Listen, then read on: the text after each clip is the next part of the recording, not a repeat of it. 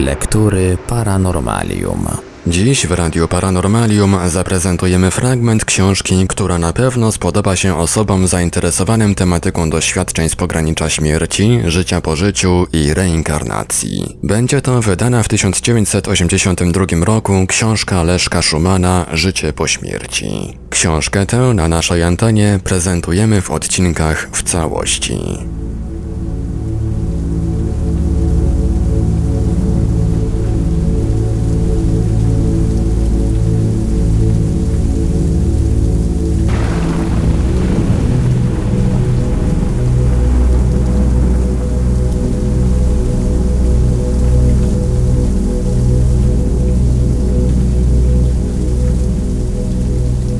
Moje kontakty z tamtym światem. W tym rozdziale chciałem zaprezentować uwagi swoje i osób z mojej bliższej i dalszej rodziny z kontaktów z tamtym światem.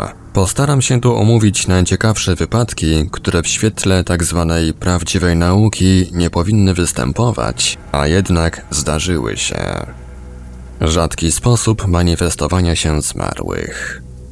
Zdarzyło się to w połowie sierpnia 1914 roku, w dwa tygodnie po wybuchu I wojny światowej. Miałem wówczas niecałe 12 lat. Przebywałem na przedłużonych wakacjach w Posadowie, dużym majątku hrabiostwa łąckich. Było to samotne, bezdzietne małżeństwo. Siostra mojej matki była u nich w majątku główną księgową. Często więc mnie zapraszano na wakacje. Zresztą wówczas nie było jeszcze takich rzeczy jak obozy czy kolonie dla dzieci. Pałac, gdzie mieszkaliśmy, miał półpiwnicę, w której znajdowała się kuchnia, spiżarnie i inne lokale gospodarcze. Na wysokim parterze mieszkała ciotka wraz ze mną. Na drugim piętrze nie mieszkał nikt. Na naszym piętrze było może z dziesięć pokoi wychodzących na galerię otaczającą dużą, sięgającą do drugiego piętra zbrojownię. Były w niej prawdziwe skarby. Począwszy od średniowiecznych zbroi rycerskich, poprzez uzbrojenie z okresu wojen szwedzkich, po najnowsze akcesoria walki z XVIII wieku. Ja spałem w jednym z narożnikowych pokoi o powierzchni około 70 metrów kwadratowych. W przeciwległym narożniku swoją garderobę miała ciotka. Ponieważ państwo łąccy często wyjeżdżali, praktycznie biorąc bywały dni, że w całym pałacu mającym kilkadziesiąt pokoi, oprócz służby, w nocy byliśmy tylko ja i ciotka. Ale ponieważ służba po godzinie dziewiątej udawała się do własnych mieszkań w oficynie, w zamku byliśmy sami. Mnie ta samotność, prawdę mówiąc, nie przeszkadzała. Do późnej nocy czytałem książki, biorąc je z bogato wyposażonej biblioteki. Któregoś wieczora około północy nagle usłyszałem żałosny, jękliwy krzyk puszczyka. Ponieważ od domu do najbliższych drzew było z kilkaset metrów, puszczyk musiał siedzieć na parapecie mego okna. Zdrętwiałem z przerażenia. Chociaż byłem chłopcem, orientowałem się już, że prawdziwy puszczyk mógł sobie hukać w pobliskim parku lub lesie. Ale co mógł on robić na gzymsie mojego okna? Coś tu nie było w porządku. Puszczyk huczał żałośnie przez kilka godzin. Dopiero gdy zaczęło dnieć, zamilkł. Nie byłem tchórzem. Wręcz przeciwnie. W życiu codziennym nie bałem się niczego. Często nawet miewałem bójki z innymi łobuzami na podwórku, jak to normalnie wśród chłopców w moim wieku bywało. Wówczas jednak wręcz wyczuwałem w powietrzu przygnębiającą atmosferę, jakby coś obcego pojawiło się w pobliżu. Ja, pistolet i zuch wprost dygotałem ze strachu. Śniadanie jadało się między godziną ósmą a dziewiątą. Do obiadu i kolacji wszyscy schodzili się na głos gongu. Śniadanie za to każdy jadał kiedy chciał, chociaż w podanych granicach czasowych. Kiedy zszedłem na dół, w jadalni czekały już na mnie pani Łącka i ciotka. Obie pocałowały mnie w czuprynę i powiedziały mi, że tej nocy w Poznaniu zmarł mój ojciec. W latach 70. Szczecinianie zorganizowali wyprawę wysokogórską w góry Wysokiego Atlasu do Maroka. Obóz uczestników wyprawy znajdował się w jednym stałym miejscu, skąd poszczególni członkowie zespołu robili wypady na dłuższe lub krótsze wycieczki. Pewnego dnia na jednorazową wyprawę wybrała się organizatorka ekspedycji, zabierając ze sobą młodą studentkę szczecińskiej Politechniki. Gdy zapadł zmrok, w pobliżu bazy odezwał się jękliwy głos puszczyka. Słychać go było tuż obok. Skąd się tu wziął? W tej skalistej krainie i strefie geograficznej jego obecność była co najmniej dziwna, jeżeli nie zaskakująca. Smutne pochukiwanie ptaka nie dało spać. Dopiero kiedy zaczęło dnieć, nastała cisza. Tymczasem nadeszła pora, gdy obie panie powinny były powrócić do obozowiska. Kiedy ich obecność zaczęła się zbytnio przeciągać, rozpoczęto poszukiwania. Gdy nie przyniosły one sukcesu, poproszono o pomoc miejscowych berberów, znających każdą stradliwą szczelinę w tym rejonie. Okazało się, iż obie taterniczki zamierzały opuścić się na linach po stromej ścianie na łąkę, ponieważ ściana kończyła się w ten niecodzienny sposób łąką pełną kwiatów. Niestety widok z góry był bardzo złudny. Gdy uczestniczki wspinaczki miały już końce lin w swych dłoniach, okazało się, że od łąki oddziela je szeroka na kilkanaście metrów głęboka szczelina skalna. Po rysach na ścianie można było wnioskować, iż obie starały się rozhuśtać i odepchnąć od ściany. O ponownym spięciu się w górę nie było już mowy. Było za wysoko. Nie miały tyle sił. Kiedy im ręce omdlały, spadły w skalną szczelinę i zginęły. Nie ulega wątpliwości, że jedna z zabitych zamierzała zamanifestować się pozostałym członkom wyprawy. Dlaczego uczyniła to w tak dziwny sposób, nie wiadomo. W każdym razie w tamtej strefie klimatycznej puszczyka nie spotyka się. Powyższe wypadki przedstawiłem z uwagi na to, iż zmarli niesłychanie rzadko manifestują się wydając głosy ptaków, szczególnie zaś sów. Historia parapsychologii wspomina jednak o podobnych wypadkach, gdy ni stąd ni zowąd na parapecie okna zjawił się gołąb lub kruk. Wspomina się o tym na łamach rocznika Angielskiego Towarzystwa Badań Psychicznych kilkakrotnie. Znajomy ze snów Wypadek, który chcę opisać, wydarzył się w mojej dalszej rodzinie. Początkowo zapowiadał się wręcz sensacyjnie, a zakończył banalnie, lecz w sposób dziwny. Ponieważ niektóre z osób związane z tą sprawą jeszcze żyją, pominę nazwiska uczestników zdarzenia. Jedna z moich dalszych ciotek miała córeczkę. Dziewczynka ta niczym specjalnym nie różniła się od przeciętnego dziecka w wieku 10 lat. Nic też początkowo nie zapowiadało kłopotów, jakie czekały w przyszłości rodzinę dziewczynki i ją samą. Którejś nocy dziecko obudziło się z krzykiem. Matka natychmiast zerwała się z łóżka i pobiegła do małej.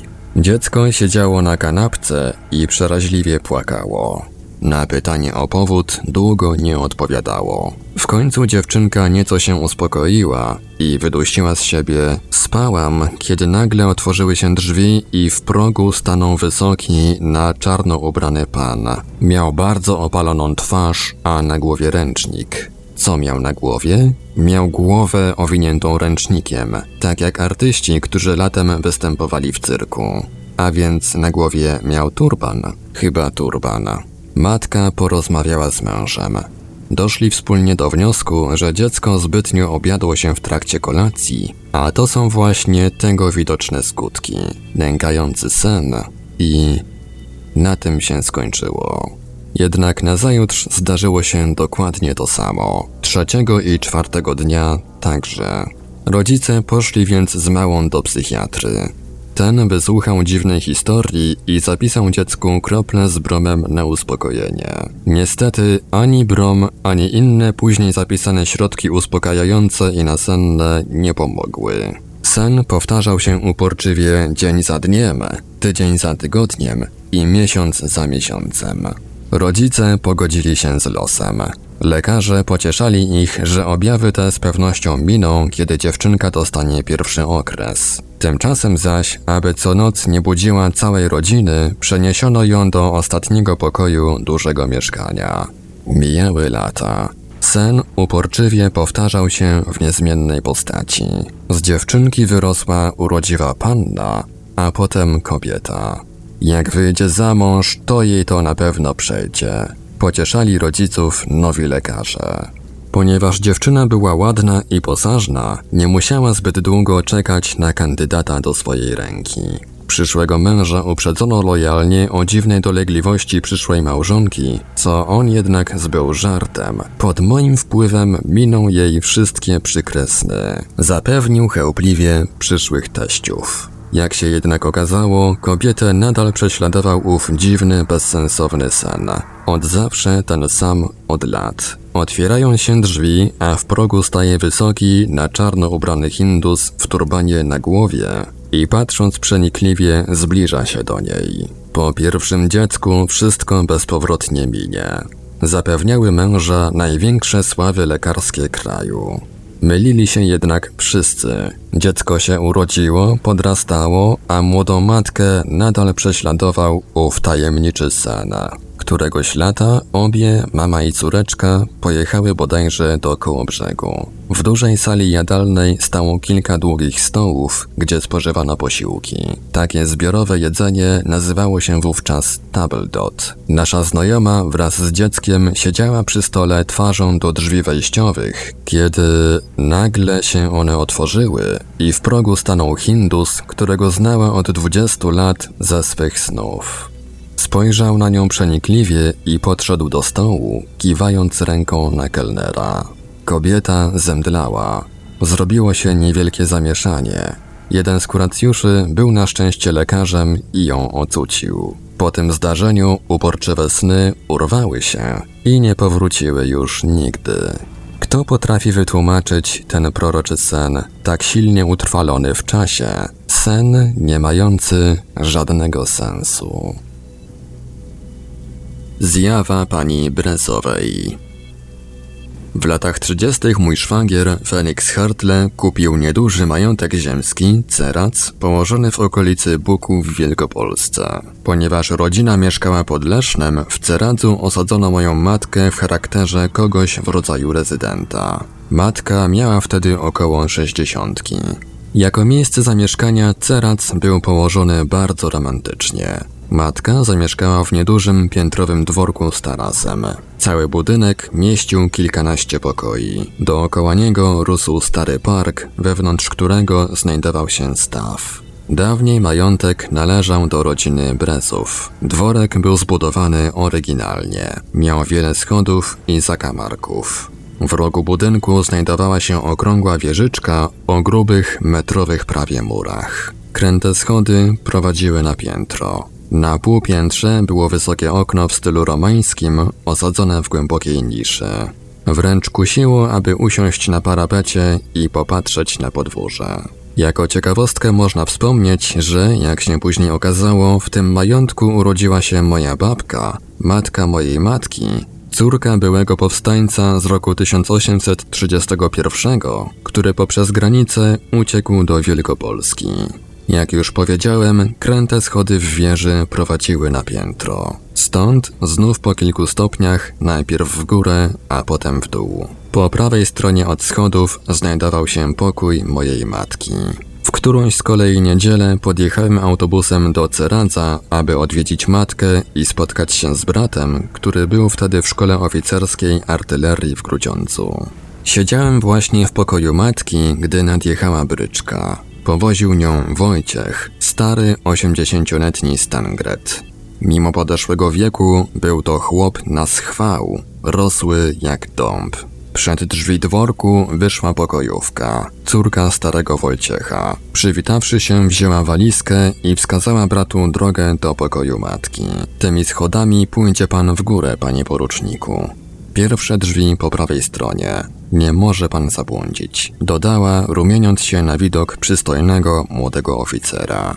Była pełnia lata. Upał doskwierał niemiłosiernie. Drzwi były otwarte, więc się słyszało rozmowę, a po chwili kroki na schodach. Początkowo normalne stąpanie, lecz po chwili kroki zamieniły się w galop. Kazimierz, mój brat, Wpadł do pokoju jak bomba. Rozejrzał się dookoła i zawołał: Gdzie jest ta pani, co tu przed chwilą weszła? Spojrzeliśmy razem z matką na niego ze zdziwieniem.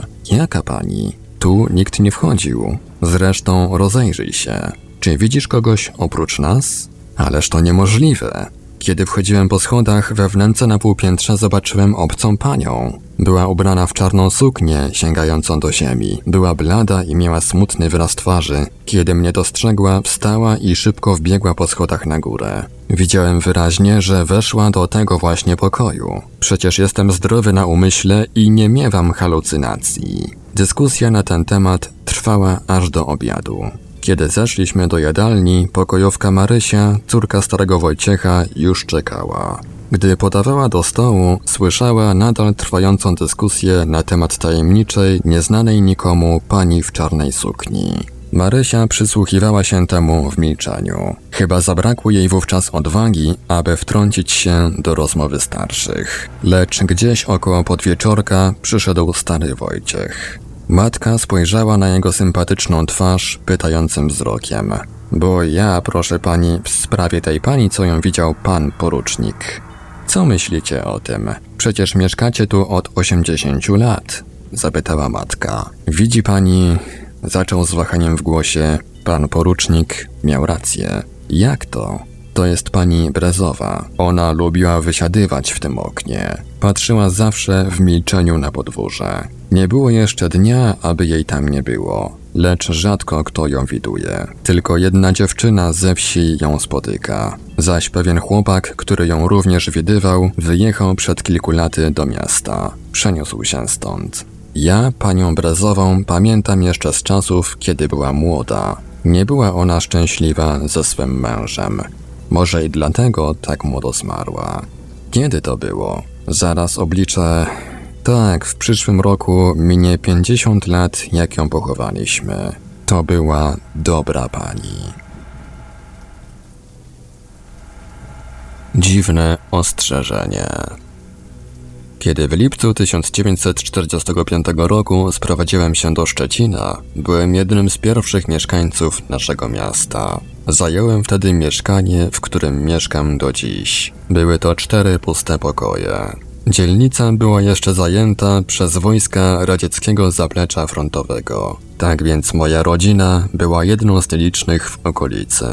Oczywiście moim pierwszym zajęciem w wolnych chwilach był szaber. Nie żebym miał zamiar zająć się wywozem co bardziej wartościowych przedmiotów. W Szczecinie zamierzałem pozostać na stałe. Zresztą przybyłem tu poniekąd na rodzinne śmieci, bowiem mój stryj, Antoni Schumann, inżynier, pracował tu przed I wojną światową przy rozbudowie portu i zbudował budynek poczty numer 2. Duże gmaszysko z czerwonej cegły nad Odrą w pobliżu dworca PKP. Szaber, któremu poświęcałem każdą wolną chwilę, polegał na organizowaniu mebli do naszego mieszkania z pustych willi poniemieckich. Nie było ich za wiele. Przypuszczalnie zostały spalone w piecach centralnego ogrzewania przez marznących żołnierzy radzieckich. A więc tu stół, tam fotel, krzesła, słowem, jak to się mówi, każde ciele z innej obory. To wyposażenie pozostało mi do dziś. Mój ówczesny punkt widzenia zrozumie tylko ten, kto widział wojnę.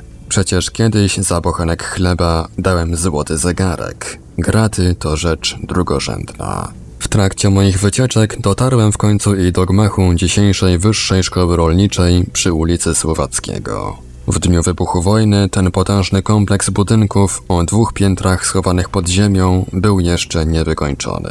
Wewnątrz umieszczono więc prowizoryczne magazyny farmaceutyczne. W tej roli doczekał roku 1945. Podczas odwrotu Niemcy, co zdążyli, wywieźli.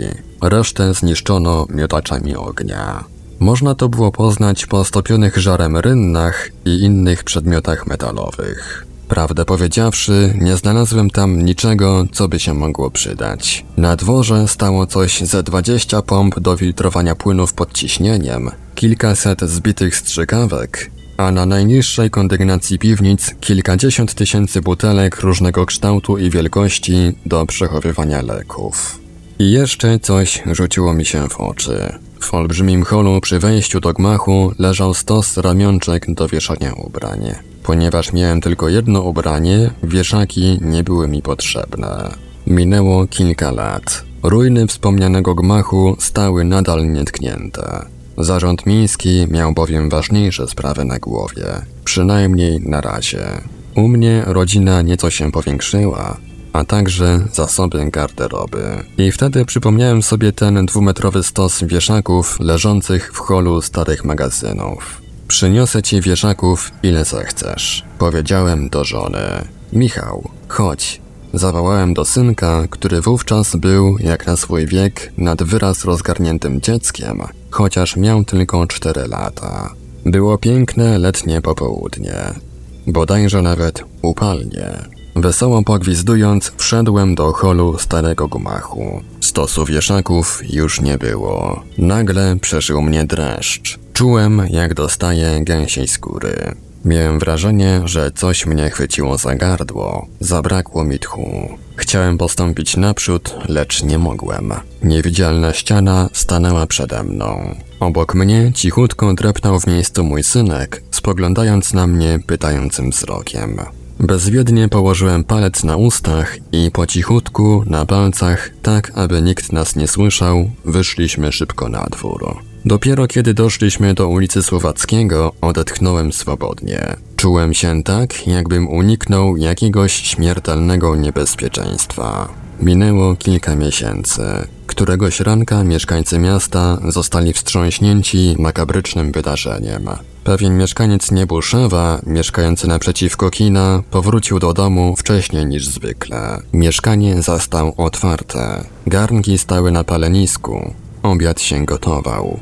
Płaszcz żony był na wieszaku, tylko jej nie było. Chyba jest u którejś z sąsiadek, pomyślał mąż i zastukał do sąsiednich drzwi. Mieszkanie otwarte, musiała gdzieś na chwilę wyjść, lecz dokąd? Wiedziałam ją, jak przed chwilą wchodziła do tego ponurego faceta, który mieszka na końcu korytarza. Zatroskany mąż zapukał do niesympatycznego sąsiada. Nie było tu mojej żony? Nie, brzmiała krótką odpowiedź antypatycznego draba. Przepraszam, odparł mąż. Lecz kątem oka dostrzegł w kącie pomieszczenia na podłodze sukienkę swojej żony. Facet był typem ciężkiej wagi. Posterunek milicji był w pobliżu. Pobiegł tam i opowiedział o swoich podejrzeniach. Dwóch posterunkowych poszło z nim.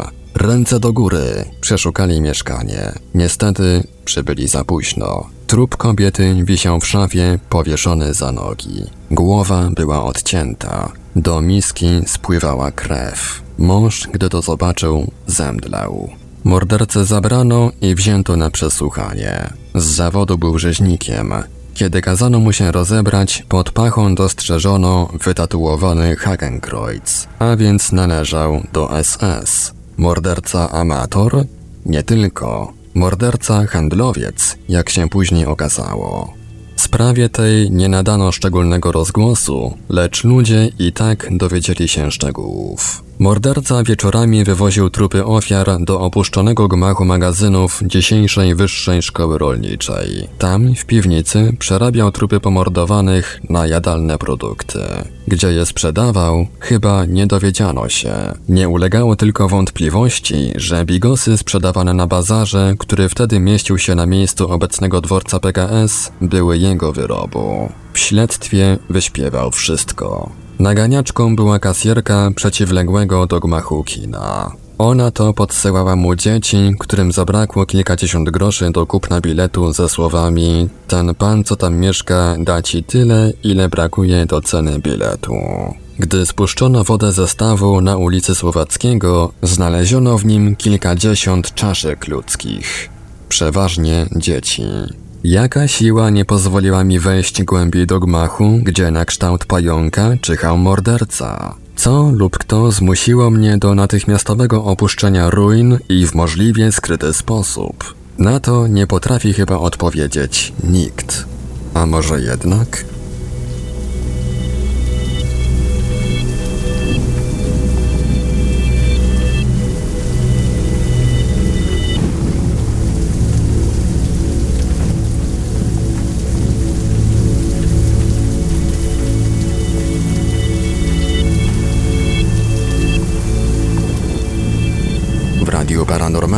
Zaprezentowaliśmy fragment wydanej w 1982 roku książki Leszka Szumana Życie po śmierci. Dalszy ciąg w kolejnym odcinku Lektur Paranormalium. Archiwalne odcinki Lektur Paranormalium znajdziesz do pobrania w archiwum naszego radia na stronie www.paranormalium.pl.